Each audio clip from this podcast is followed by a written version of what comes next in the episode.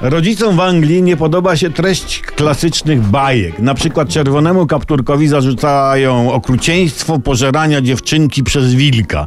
Jedna aktorka amerykańska ma problem ze sceną, w której książę budzi Śnieżkę z wiecznego snu pocałunkiem. To dziwne, że książę całuje Śnieżkę bez jej zgody, mówi aktorka.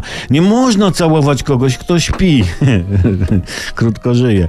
Ma rację w sumie, bo e, co by było, gdyby na przykład, nie wiem, pan Stanisław, konserwator z hotelu, chodził po pokojach w nocy i całował w usta kogo popadnie, prawda?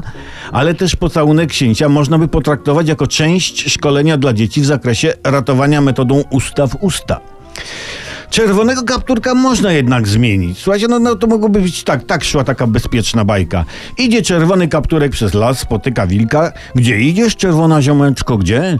No, do chorej babci niosę koszyczek e, z, z szamankiem. Odprowadzę cię do babci i pomogę ci nieść koszyczek. Nie chodź tak sama po lesie, bo trafisz jeszcze na sukinsyna zająca i cię skrzywdzi. No i zachodzą do babci i wilk mówi, no daj babci kapturku koszyczek, a ja nastawię na herbatę.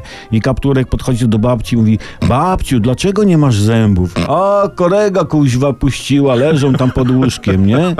O, są, mówi kapturek, babciu, mogę przymierzyć, nie? No i wchodzi wilk z czterema herbatkami i mówi, zrobiłem też dla leśniczego, nie? No przychodzi leśniczy i wskazując na przyniesioną butelkę mówi, w tej butelce nie mam nic mocniejszego do herbaty, gdyby ktoś pytał.